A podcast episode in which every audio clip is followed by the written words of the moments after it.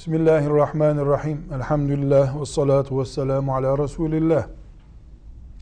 Riyazu Salihinden tevbeyi anlatan hadisi şerifleri okuyorduk.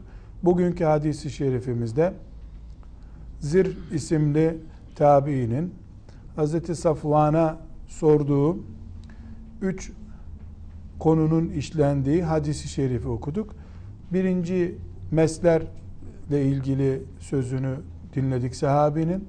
Sonra da Resulullah sallallahu aleyhi ve sellem Efendimizin herkesin sevdiğiyle beraber olacağını, kıyamet günü müminin sevdiği grupların beraberinde olmaktan istifade edeceğini anlatan cümlesini dinledik. Şimdi asıl Riyazu Salihinde bu hadisi şerifin bulunma nedeni olan tevbe ile ilgili bölümü hafız kardeşimizden dinleyelim. Hazreti Safvan İbn Assal radıyallahu an bu sözü naklediyor, dinliyoruz. Safvan İbni Assal sözüne devamla dedi ki Hazreti Peygamber bu konuda uzun uzun konuştu. Hatta bir ara batı taraflarında bulunan bir kapıdan bahsetti. Kapı yaya yürüyüşüyle 40 yıl veya 70 yıl yahut ravinin hatırladığına göre süvari gidişiyle 40 veya 70 yıl genişliğindedir buyurdu.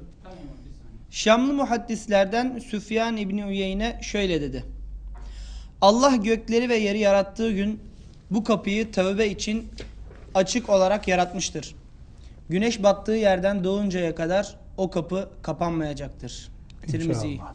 İnşallah. Salaka Resulullah sallallahu aleyhi ve sellem. Ve bu bölüm asıl hadisi şerifin Riyazu Salihinin 20. hadisi olarak burada kaydedilmiş olmasının nedeni olan bölüm.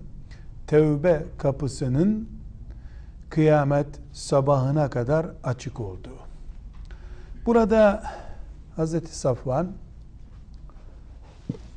Resulullah sallallahu aleyhi ve sellem Efendimizin uzun uzun konuştuğunu o sözünü ettiği yolculuk esnasında uzun uzun konuştuğunu söyledikten sonra bir ara Resulullah sallallahu aleyhi ve sellem Efendimizin bir kapıdan söz ettiğini, bu kapının batı tarafında olduğunu söylediğini, kapının büyüklüğü hakkında da hadisi anlatan ravilerin sözünden farklı e, cümleler çıkmış. Dolayısıyla işte şu kadar sene bu kadar yaya yürüyerek bu kadar süvari yürüyüşü bu bilgiler bir kenara bırakıldığında şu anlaşılıyor ki Resulullah sallallahu aleyhi ve sellem Efendimiz herhalde santimetre, metre, kilometre gibi rakamlar zihnimizde kalsın istemiyor.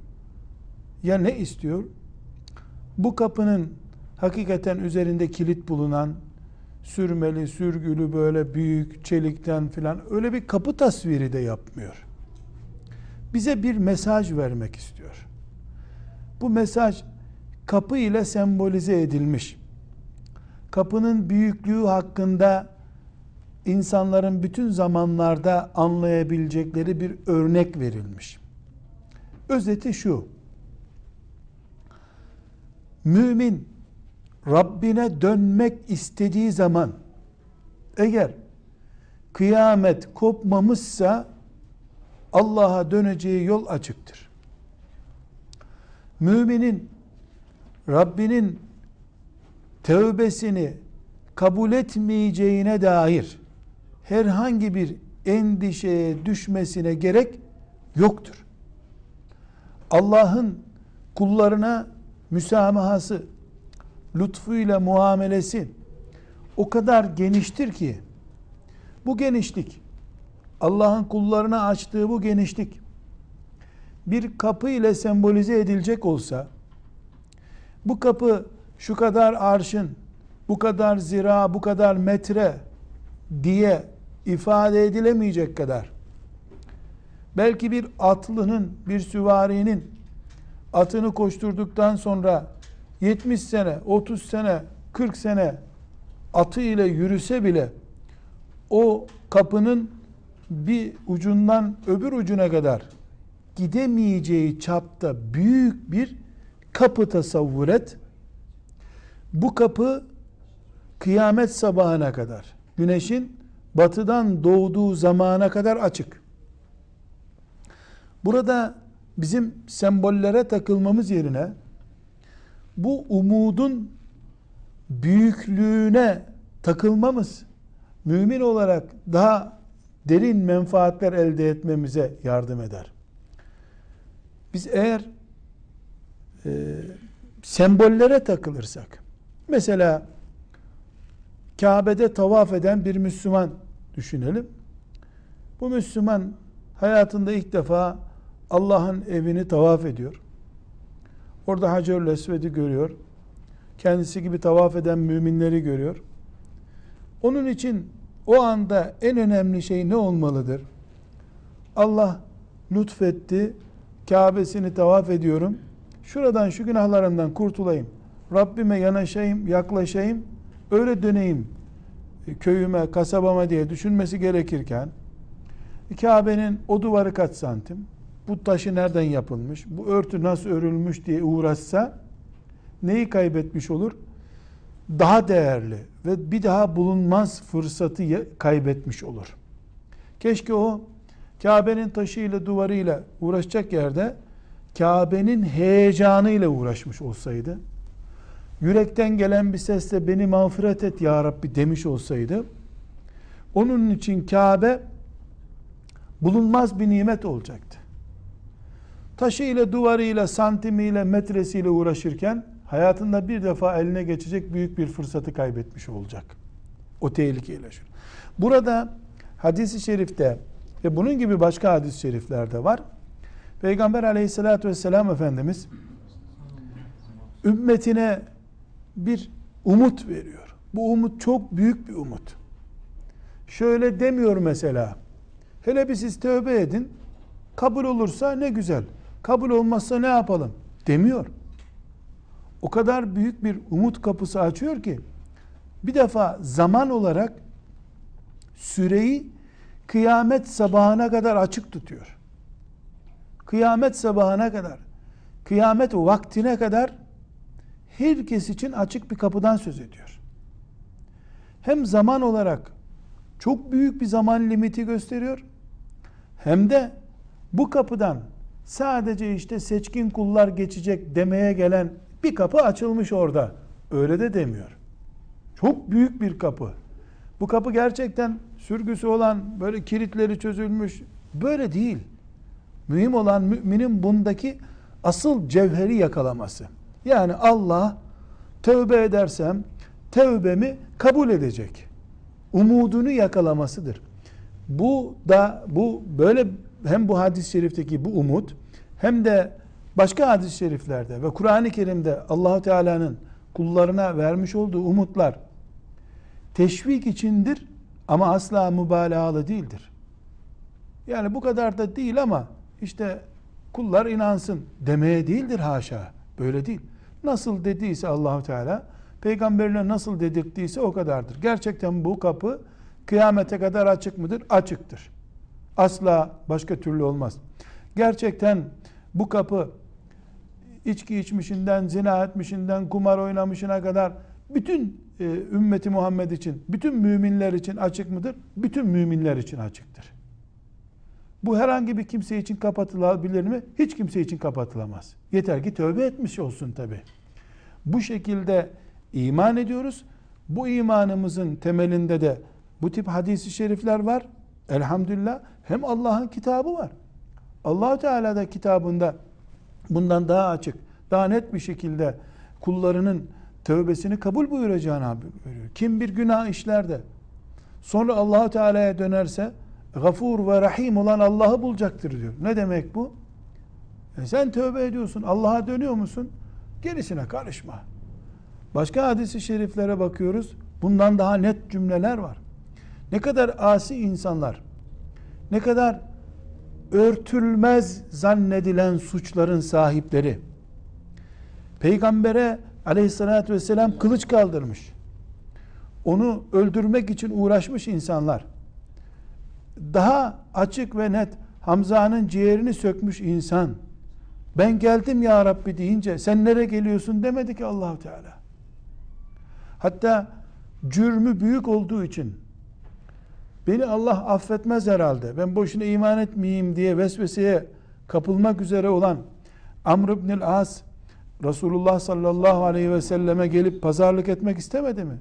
Ben iman edeceğim ama e, çok kabarık benim dosyam. Beni de affeder mi Allah?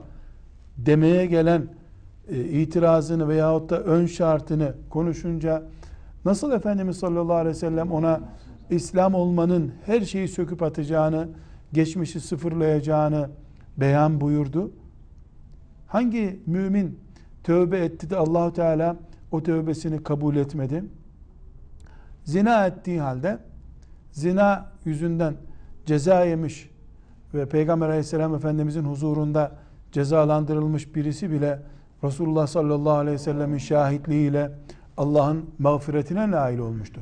Demek ki bu hadisi şerifler ve özellikle de bu hadisi şerifin zikretmiş olduğu e, o büyük kapıdan gerçekten böyle bir kapı surun sur etrafında surlar vesaire işte böyle hani tarihi surlardan giriliş gibi öyle bir kapı tasavvur etmek yerine Allah'ın rahmetinin büyüklüğünü ve zaman olarak kıyamete kadar geniş bir zamana yayılmış bir rahmet olduğunu düşünsek hadisi şeriften çok daha fazla istifade etmiş oluruz Allah'ın izniyle. Şimdi e, bu e, hadisi şerifi tercümesini tekrar bir kere daha okuyalım. Zihnimizde hadis-i şerif toparlanmış olsun inşallah. Tekrar hadis-i şerifi siz buyurun dinleyelim. Zir İbni Hübeyş şöyle dedi. Mesler üzerine nasıl mes edileceğini sormak üzere Safvan İbni Assel radıyallahu anh'ın yanına gitmiştim. Bana Zir niçin geldin diye sordu. Ben de ilim öğrenmek için deyince şunları söyledi. Melekler ilim öğrenenlerden hoşlandıkları için onlara kanat gererler. Ben de büyük ve küçük abdestten sonra mesler üzerine nasıl mes edileceği kafamı kurcaladı. Sen de Hazreti Peygamber'in ashabından olduğun için onun bu konuda bir şey söylediğini duydun mu diye sormaya geldim dedim. Safven evet duydum. Resul-i Ekrem seferde bulunduğumuz zaman mesleri üç gün üç gece çıkarmamayı büyük ve küçük abdest bozduktan uyuduktan sonra bile meslere meshetmeyi ancak cünüp olunca mesleri çıkarmayı emrederdi dedi. Onun sevgiye dair bir şey söylediğini duydun mu diye sordum. Evet duydum. Resulullah sallallahu aleyhi ve sellem ile bir sefere çıkmıştık. Biz onun yanındayken bir bedevi kaba sesiyle Muhammed diye bağırdı. Hazreti Peygamber de onun sesine yakın bir sesle gel bakalım dedi. Bedeviye dönerek yazıklar olsun sana. Hazreti Peygamber'in huzurunda bulunuyorsun. Kız sesini yüksek sesle bağırmanı Allah yasakladı dedim. Bedevi vallahi sesimi kısmam dedi. Ve Resul-i Ekrem'e birilerini seven ama onlarla beraber olacak kadar iyiliği bulunmayan kimse hakkında ne dersin diye sordu. Hazreti Peygamber şöyle buyurdu. Bir kimse kıyamet gününde sevdikleriyle beraberdir. Safvan İbni Assel sözüne devamla dedi ki Hazreti Peygamber bu konuda uzun uzun konuştu. Hatta bir ara batı taraflarında bulunan bir kapıdan bahsetti. Kapı yaya yürüyüşüyle 40 yıl veya 70 yıl yahut ravinin hatırladığına göre süvari gidişiyle 40 veya 70 yıl genişliğindedir buyurdu. Şamlı muhaddislerden Süfyan İbni Uyeyne şöyle dedi. Allah gökleri ve yeri yarattığı gün bu kapıyı tövbe için açık olarak yaratmıştır. Güneş battığı yerden doğuncaya kadar o kapı kapanmayacaktır. Tirmizi. Sadaka Resulullah sallallahu aleyhi ve sellem.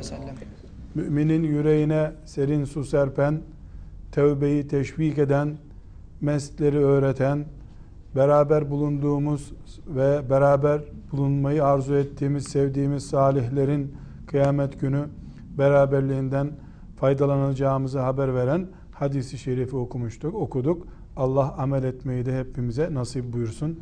Ve sallallahu ve sellem ala seyyidina Muhammed ve ala alihi ve sahbihi ecma'in velhamdülillahi rabbil alemin.